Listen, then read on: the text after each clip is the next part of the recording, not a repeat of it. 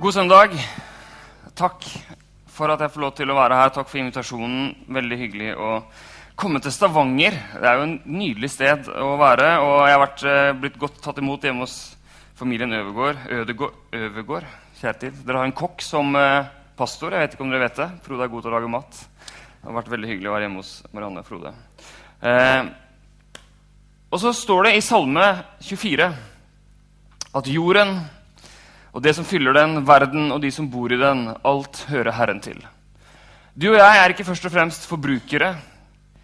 Vi er ikke fremst, først og fremst konsumenter, men vi er forvaltere. Alt i denne verden, all god mat, eh, alt det du har, din sjel, din pust, din kraft, din kropp, din seksualitet, din lønn, din bil, ditt hus, sa jeg det? Alt hører Herren til, sier David i denne salmen. Du og jeg er ikke først og fremst satt her for å konsumere og forbruke, men for å forvalte. Alt har vi fått, alt er en gave, og så får vi lov til å ta det, bruke det, takke Jesus for det som vi gjorde, takke Gud for alt vi har fått, og så får vi lov til å bidra. Og Gud har kalt oss til å være med å gi, og være med å gjøre, og være med å skape denne verden til et bedre sted å være. Og jeg har lyst i dag til å, i anledning denne Misjonsforbundets dag til å fortelle noe om et type arbeid og et type bidrag som har enormt stor verdi og potensielt veldig stor avkastning, som var nevnt i tittelen her. Jesus sier i Matteus 13.: Himmelriket kan lignes med en skatt som var gjemt i en åker.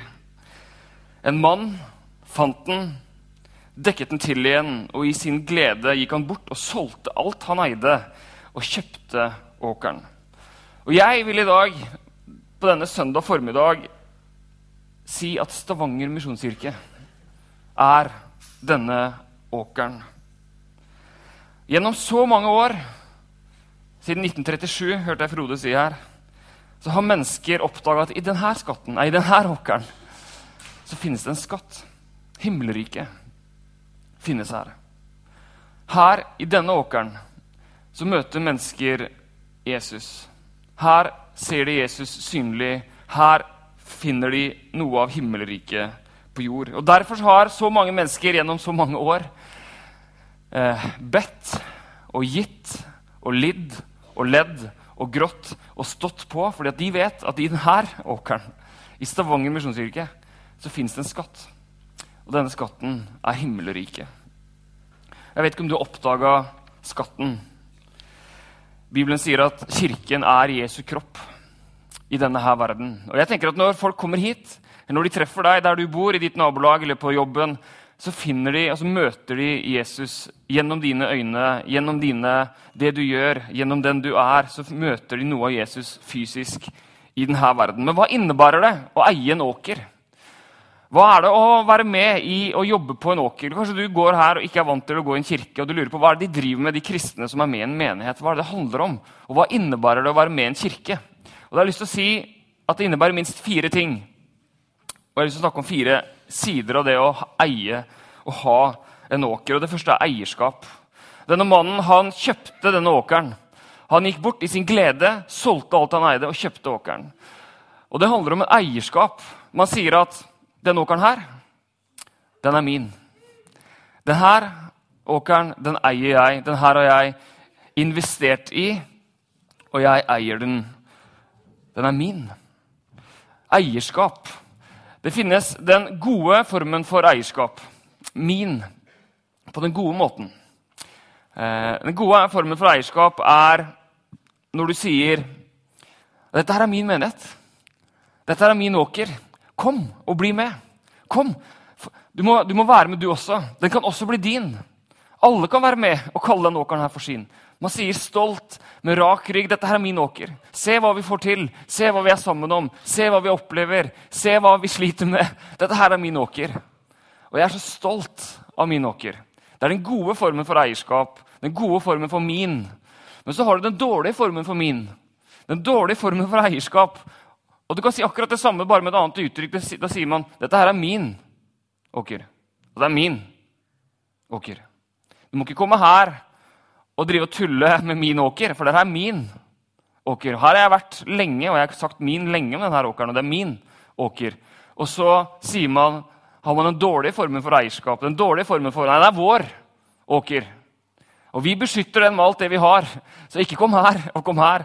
Og det er en ganske stor forskjell på den gode og dårlige formen for eierskap. Noen ganger så møter jeg folk som sier til meg Erik, jeg er så glad for å være med i din menighet. Eller det er 640 medlemmer i Erik Andreassens menighet. og da tenker jeg ok, all right. Har jeg, eier jeg denne menigheten? Liksom, er det 640 mennesker i min menighet? Eller når folk kommer og sier Erik, det er så fint å være med i din menighet. Så sier jeg i min menighet, sier jeg da. når folk kommer. Det er jo din. Du må jo si din menighet. Og da sier jeg jeg er så glad for å være med i din menighet. Det er vår. Og når det kommer nye mennesker til Oslo misjonskirke, så sier jeg til de, vet du hva, du må gjerne begynne å si 'vår'. For det går en sånn periode når folk kommer inn i en menighet, så sier de det er så bra det dere får til. Og det er så bra søndagsskole dere driver. Så sier jeg ja, men har ikke du gått der nå et år?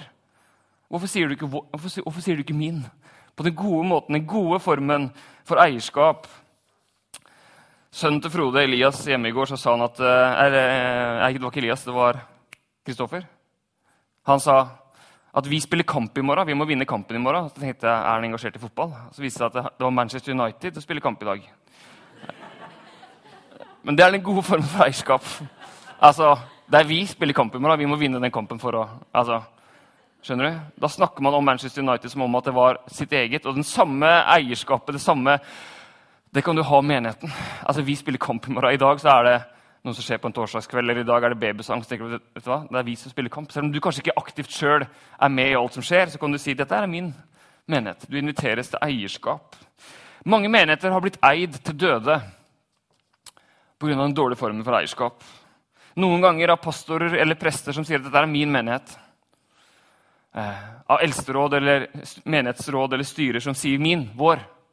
Eh, men også noen ganger og mange ganger av andre. Mennesker som ikke er så, kanskje så aktive i det daglige åkerarbeidet, men når beslutninger tas, så kommer de. Og så har de meninger om hvordan det skal være. Altså, 'Dette er min menighet. Sånn her har vi gjort alltid.' Og så blir menigheten trangere og trangere, og så skrumper den inn, og så mange, har mange menigheter dødd pga. den dårlige formen for eierskap. Men så har det også vært menigheter som, som har eh, Som døde pga. den gode formen for eierskap. Eller pga. mangel på den gode formen for eierskap. Menigheter som døde fordi at sa fordi at noen aldri kom. Noen tok aldri ansvar, for man sier ofte ja, det der må noen gjøre.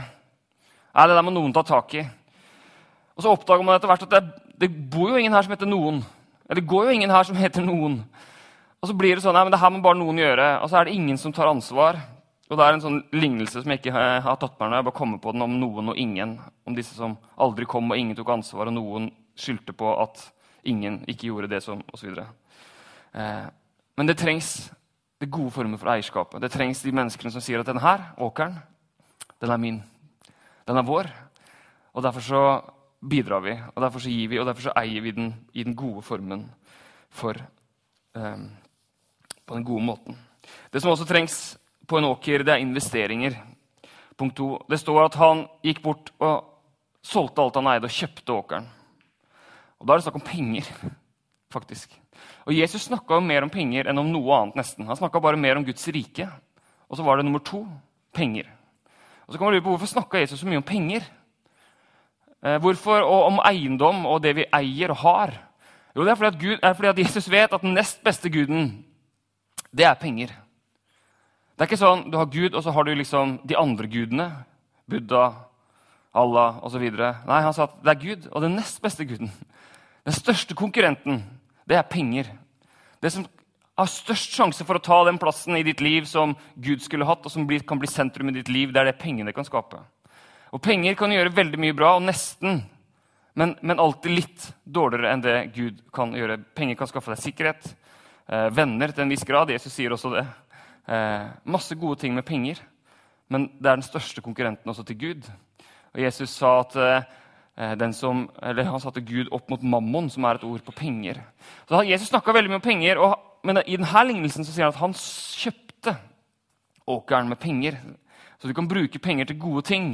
Og det er noe, noe, som trengs på en åker, og i en åker som dette, det er at mennesker sier at vet du hva, denne åkeren skal jeg kjøpe. Å være med å investere faktisk med mine fysiske penger, de jeg tjener på jobben. For det er ikke dine penger. Husker du det? Alt hører jo Herren til. Hele min lønn når jeg får den, den er ikke min. Selv om jeg har gjort meg fortjent til å, eller selv om jeg har fortjent den gjennom arbeid. Eller ja, hvordan du får penger. Skal jeg si. Så kan du tenke at dette her er jo ikke mitt. Jeg får lov til å forvalte det, og så får jeg lov til å bruke noe av det på åkeren.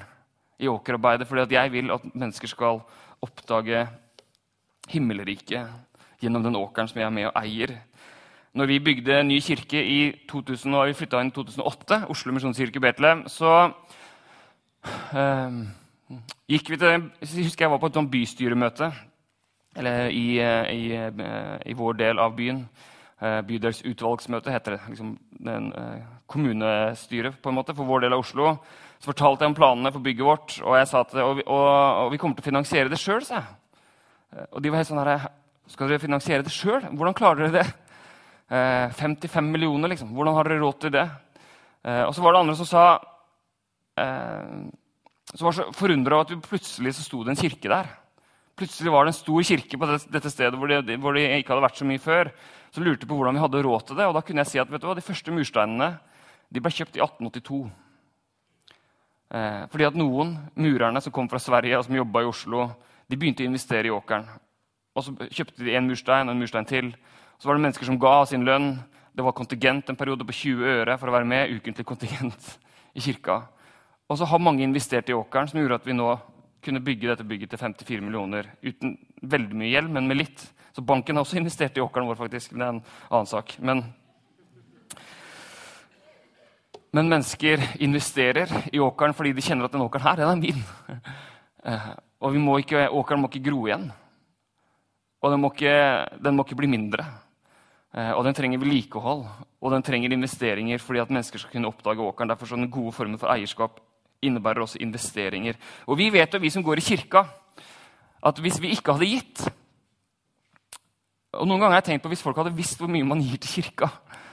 Eh, hvis jeg hadde sagt til naboen at ja, vi gir så og så mye til kirka uten at jeg skal skryte av det, men helt vanlig liksom, givertjeneste, så ville folk tenkt er, er du gal? Altså, du kunne hatt en større hus finere bil. Du kunne eid en leilighet til på sikt. Hvis man gjennom mange år gir mye til kirka til åkeren. som man skal være med på. Men vi gjør ikke det. Fordi vi tenker at ja, men vet du hva? det fins noe i den verden her som er viktigere enn at jeg har en leilighet til, eller at jeg har et større hus, eller at jeg har enda mer penger å bruke på ting jeg egentlig ikke trenger. For jeg er med i en åker. Jeg har tatt ansvar for en åker i denne verden som mennesker skal oppdage himmelriket i, og derfor så gir jeg til den planlagt givertjeneste. Jeg sier at det, det her åkeren skal jeg investere i, og så mye skal jeg gi. Og så gir man det. Eh, og så vinner man noe annet enn en stor eh, eh, bankkonto eller noe sånt. Punkt tre. Åkeren innebærer arbeid, selvfølgelig. Nå vet jeg ikke om det er noen her som er bønder, er det, som driver gård. De går kanskje ikke her, de går type et annet sted. Men, eh, eller kanskje det er det. Uansett, jeg vet at det med åkerarbeid krever Det er hardt arbeid. Enormt hardt arbeid. Og ære til de som eh, gjør det. Landbruk. Eh, Samme er det i menigheten. Det krever arbeid å være med i en menighet. For vi vet, som sagt Eller vi vil ikke at åkeren skal gro igjen. Vi vil ikke at den skal eh, Eller vi vil at mennesker skal kunne finne skatten her, og da må åkeren være åpen, og den må være tilgjengelig, og den må fungere som den skal. Så fins det ulike former for arbeid. Jeg hørte en som brukte ordet 'trivialiteten og evigheten' på det å være med i en menighet. Og eh, får det oppkvars her også. Stort og smått, trivialiteten og evigheten. Noen ganger så består åkerarbeidet av veldig små ting. Tilsynelatende ubetydelige ting, hverdagslige ting. Åkerarbeid er ofte hverdag. Det er helt vanlige mandager, helt vanlige tirsdager, helt vanlige søndager. Eh, men midt i det så kan man oppdage himmelriket.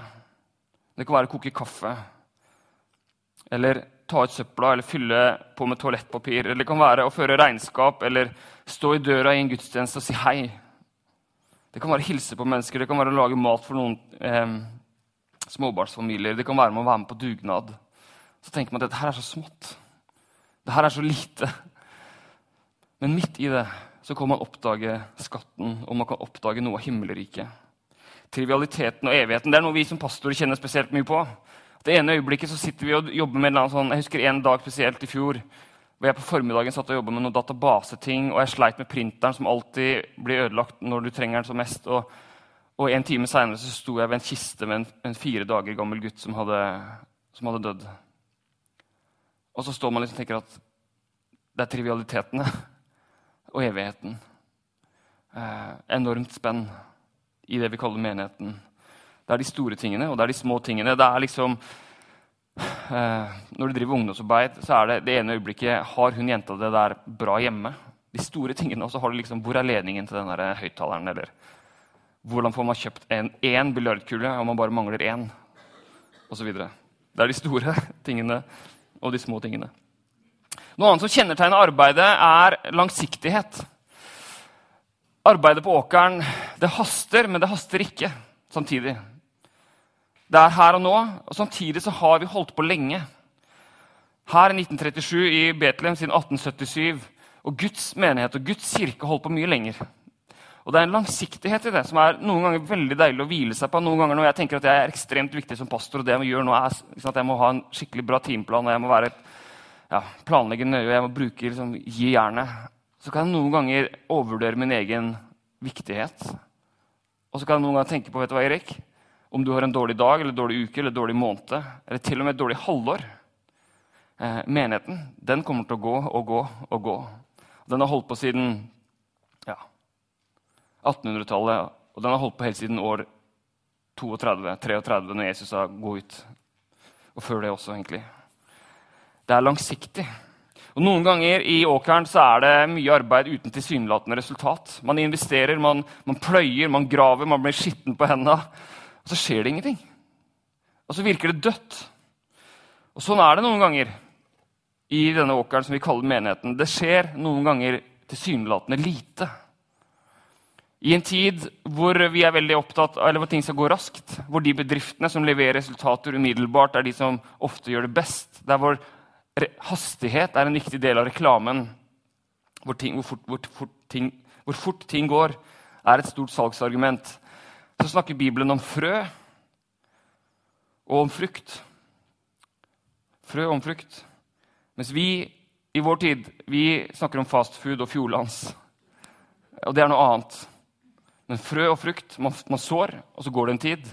Og frukt er ikke noe man kan kjøpe sånn hvis man skal lage det. Det, det, det, det vokser og det gror, og det tar tid. Så det, er en langsiktighet til dette åkerarbeidet. Så noen ganger når man tenker at vi må gjøre noe umiddelbart, for nå er det krise, så ja, det er det noen ganger, men samtidig så kan man noen ganger tenke at du, det, her er, det her er langsiktig arbeid. Det tar tid. Det er dyptgående arbeid. Eh, man må noen ganger pløye dybden, og man må grave i dybden. Fordi vi er ikke opptatt av fasade eller tilsynelatende resultater. Det viktigste er ikke det som skjer på forsida. Det viktigste er ikke det som skjer på fasaden. Det gjelder i våre liv, og det gjelder også i menigheten. Ikke bedøm en menighet basert på fasade. Det er noen ganger man som pastor, Hvis man googler og går inn på andre menigheters nettsider, sånt, så kan man få helt sånn derre Altså, jeg slutta å gjøre det for ikke å få dårlig sjøltillit. Eh, fordi at det er noen ganger så utrolig vanvittig det ser så bra ut. Og så vet jeg jo at man må ikke basere det på fasaden. Hvem som helst kan lage en bra nettside eller hvem som helst kan få noe til å se tilsynelatende bra ut. Noen ganger så kan jeg sammenligne meg med de amerikanske menighetene som har så utrolig fancy prekenserier og grafikk og videoer. Og så leste jeg en menighet som gikk konkurs nå 1. Januar, eller som, som la ned pga. Usunt lederskap og manipulering osv. Jeg, tror jeg tror de hadde 20 steder de hadde med den menigheten. Kjempestor, en virkelig stor megamenighet som mange så til. Og som plutselig ble lagt ned fordi at eh, det var usunt og det var manipulasjon osv. Digresjon. Dette er egentlig en helt lang digresjon. Eh, men menighet, åkeren, kan noen ganger være usunn. Eh, og det kan drives på dårlige måter og dårlig form for eierskap osv. som jeg sa. Og kanskje har du vært med i en sånn menighet før. Eh, hva var egentlig poenget her? Hva snakka jeg om? Jeg snakka om fasade. Så så jeg regnskapet der, og så fikk jeg høre at de kunne noen ganger bruke jeg lurer på om det var en halv million kroner på hver prekenserie liksom, i grafikk og ting utenom som bare hadde om hadde om det ytre å gjøre. fasade. Og da tenker jeg at Det er ikke alltid man skal sammenligne seg. For det er ikke fasaden som teller. Eh, det er ikke alltid det som kommer opp av bakken, som er det viktigste, men det er jorda. Og noen ganger så er åkerarbeid, menighetsarbeid, dyptgående arbeid som krever mye, som er slitsomt, som man blir skitten på hendene av. Og så kommer det en dag hvor resultatet forhåpentligvis viser seg. Men det beste med åkerarbeidet det er at det er sammen med andre. Menighet er fellesskap. Det er koinonia, det greske ordet. Koinonia.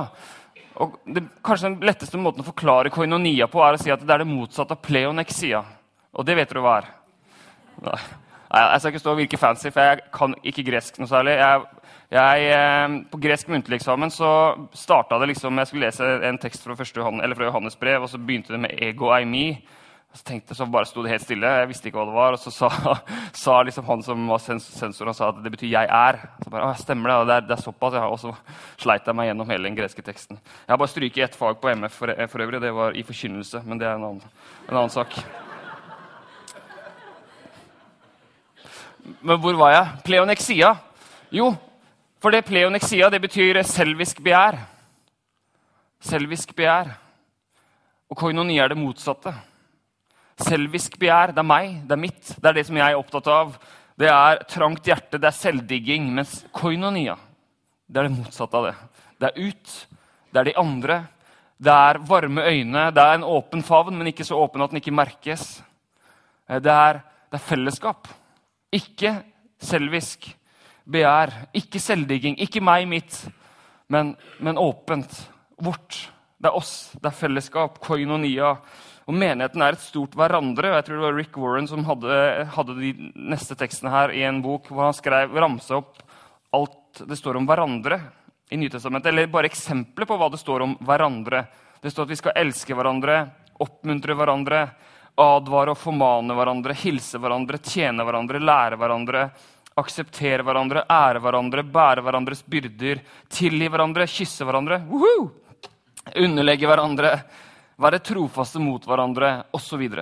Det står veldig mye om hverandre i Det nye testamentet. Så hvis du skal prøve å tenke at jeg skal være kristen aleine altså Det er en privatsak, min tro. Altså det, da kan du ikke lese Nytestamentet, eller da har du ikke lest det nye testamentet, for det står så ekstremt mye om hverandre.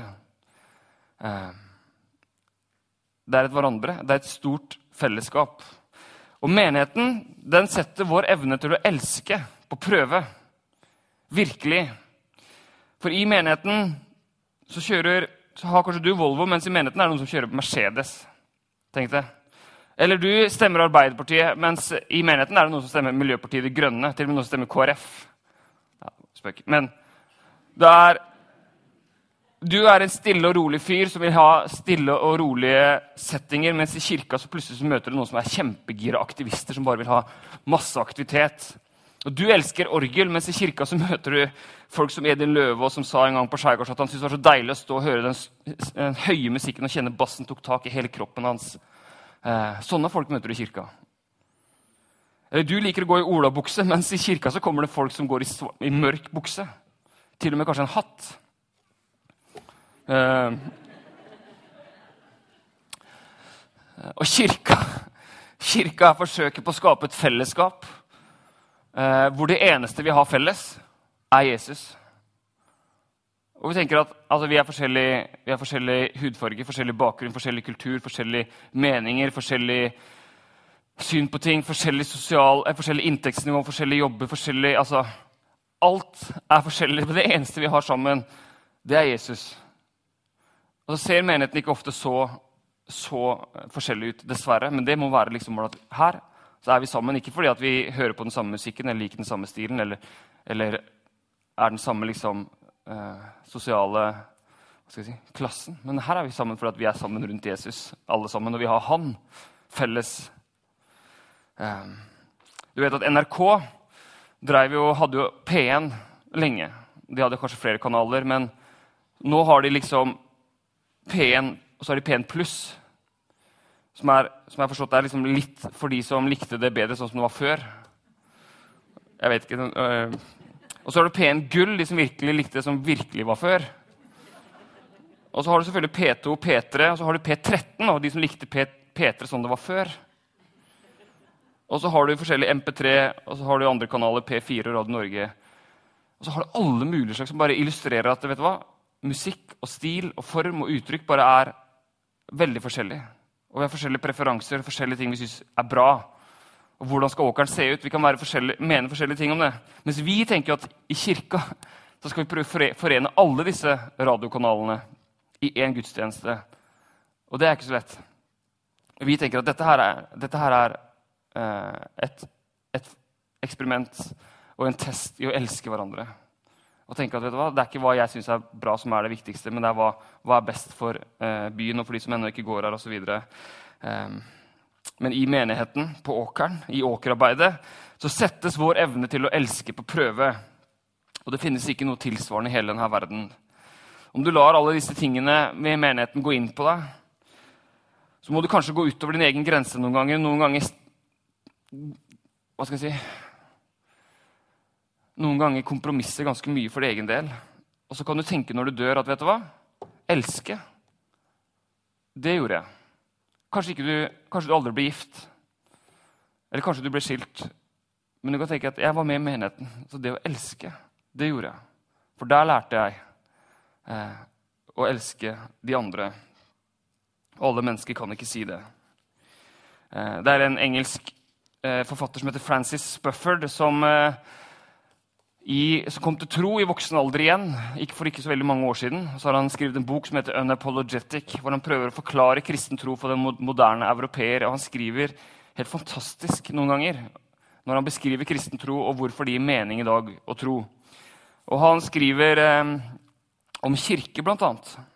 Jeg skal lese en lang tekst her nå, og teksten kommer også opp. Eh, han skriver om kirke. Hvis du kommer til en kirke i England etter en gudstjeneste så vil du se en liten parentes flokk med eldre, en gruppe med middelaldrende voksne og unge familier som balanserer kjeks og kopper med kaffe i den ene hånden, mens vi foretar kaoskontroll med ungene den andre, med den andre. Samtidig som vi foretar litt rare samtaler om været, ferien, fotballresultater, nyhetene og utviklingen av blomster og grønnsaker. Vi har kanskje ikke så mye til felles, målt med vanlig standard. Vi er sannsynligvis beskjedne. Dette er tross alt England. Og fortsatt dette er ikke alt som foregår. Vi tar også del i kjærlighetsmåltidet som han har skrevet om rett før, om nattverden. Vi tar del i kjærlighetsmåltidet. Våre hjerter er i våre øyne når vi ser på hverandre. Jeg tar en setning en gang til. Våre hjerter er i våre øyne når vi ser på hverandre. Vi er engasjert i det umulige eksperimentet det er å forsøke å se på hverandre på den måten Gud ser oss. Det vil si, som verdifulle utover enhver pris for årsaker ganske uavhengig av de vanlige egenskapene vi aper elsker å anerkjenne. Status, karisma, utseende, selvsikkerhet, rikdom og autoritet. Nåde gjør oss til bedre lesere av hverandre. Vi vet ikke hver for oss hva de andre trenger tilgivelse for, og det vil vi aldri vite. Men vi vet at de er tilgitt som vi er.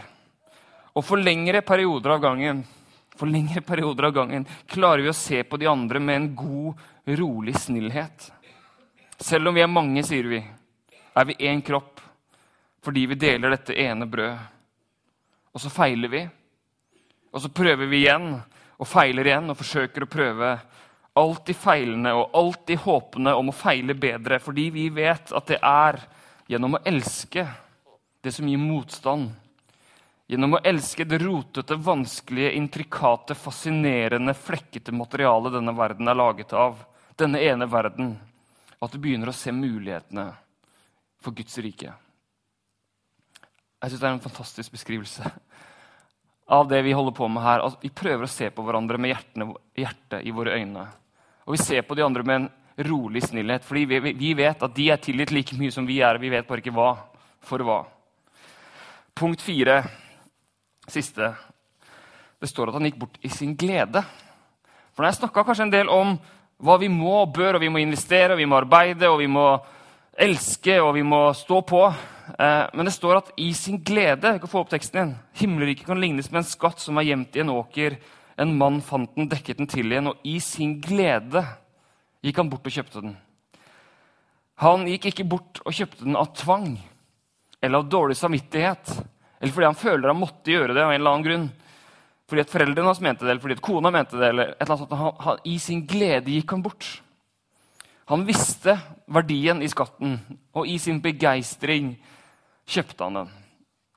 Og jeg tenker at Kirken er potensielt fantastisk. Den er krevende, men den gir mye glede.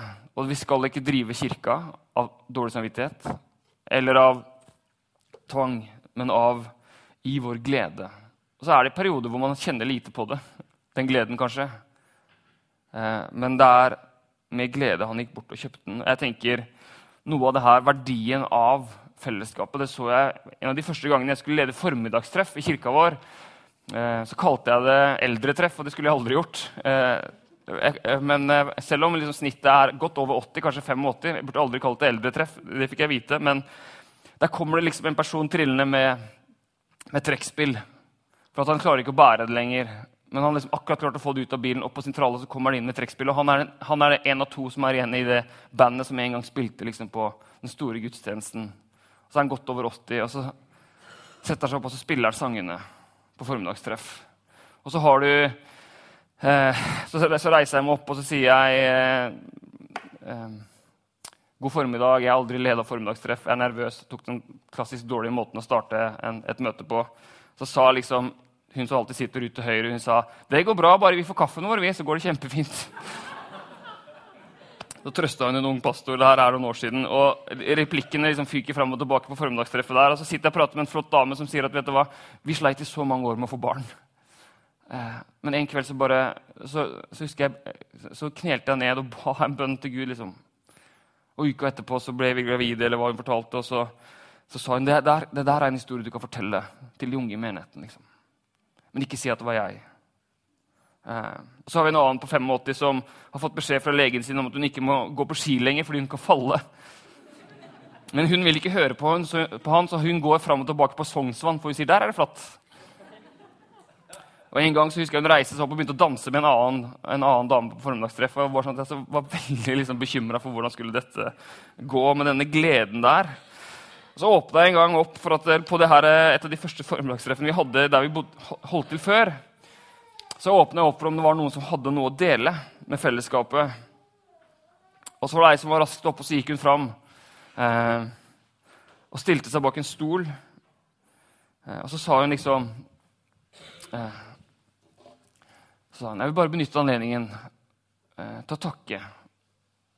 Nå er det ett år siden Alf kom på sykehus. Og så trengte hun ikke å si at Alf døde, for det visste alle. Sa nå er det ett år siden Alf kom på sykehus. Jeg vil bare takke dere for at dere har vært der for meg dette året. Jeg setter så utrolig stor pris på dette fellesskapet. Eh, og så gråt hun en tåre, og så gikk hun ned og satte seg igjen. Og så kom Ida, reiste Ida seg spontant opp. Og Ida er hun som har lest alle bøkene i verden, og som alltid siterer Dostojevskij. Og så kom hun fram og så sa hun denne gangen om en munk i en av Dostojevskijs bøker som sier at tårer, Gud har gitt oss tårene for at sjelen skal få hvile. Og så sa hun noen trøstende ord til hun som hadde reist seg opp, og så gikk de og satte seg. Så tenkte jeg dette her er fantastisk. Det kristne fellesskapet. Og så lyser jeg velsignelsen, og så prater folk og gir hverandre klemmer, og hun som alltid kaller meg Geir, kommer bort og takker for en fin samling.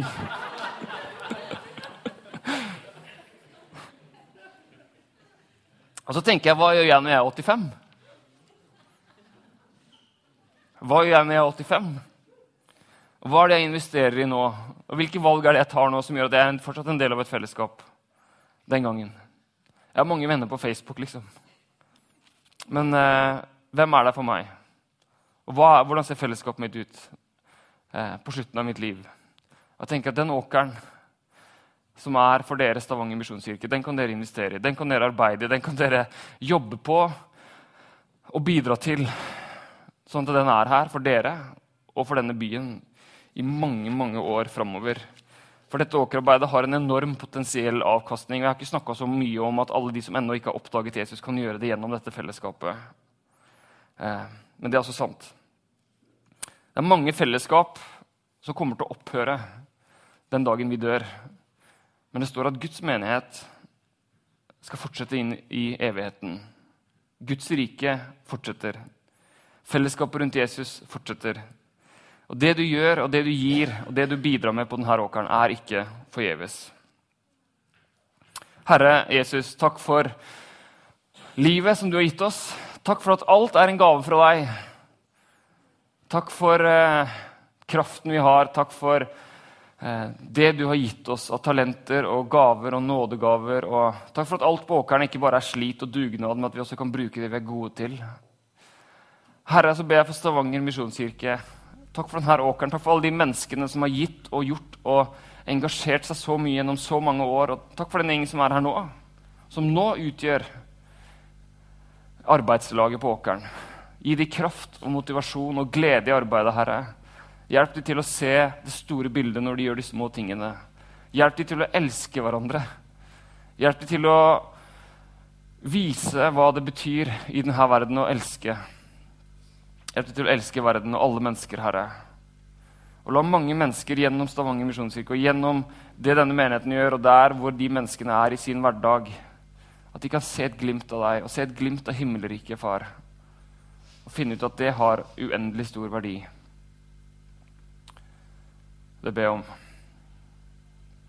Så vil jeg også, Herre, jeg komme på Jeg ber en bønn for de som er slitne av åkerarbeidet. For de som har lyst til å gi opp, eller for de som tenker at nå er det slutt. eller nå er det vanskelig. Kom med ny inspirasjon og kom med kraft her. Og, og minn oss på at det bare er av nåde. Vi får lov til å holde på, og vi trenger ikke gjøre det for din skyld. Takk for at vi får lov til å være med, Herre, men at du ikke krever noe som helst av oss. Eh, for at din kjærlighet skal vare og virke. Så hjelp oss til å gjøre det i vår glede. Eh, og hjelp oss å sette hverandre fri. Amen.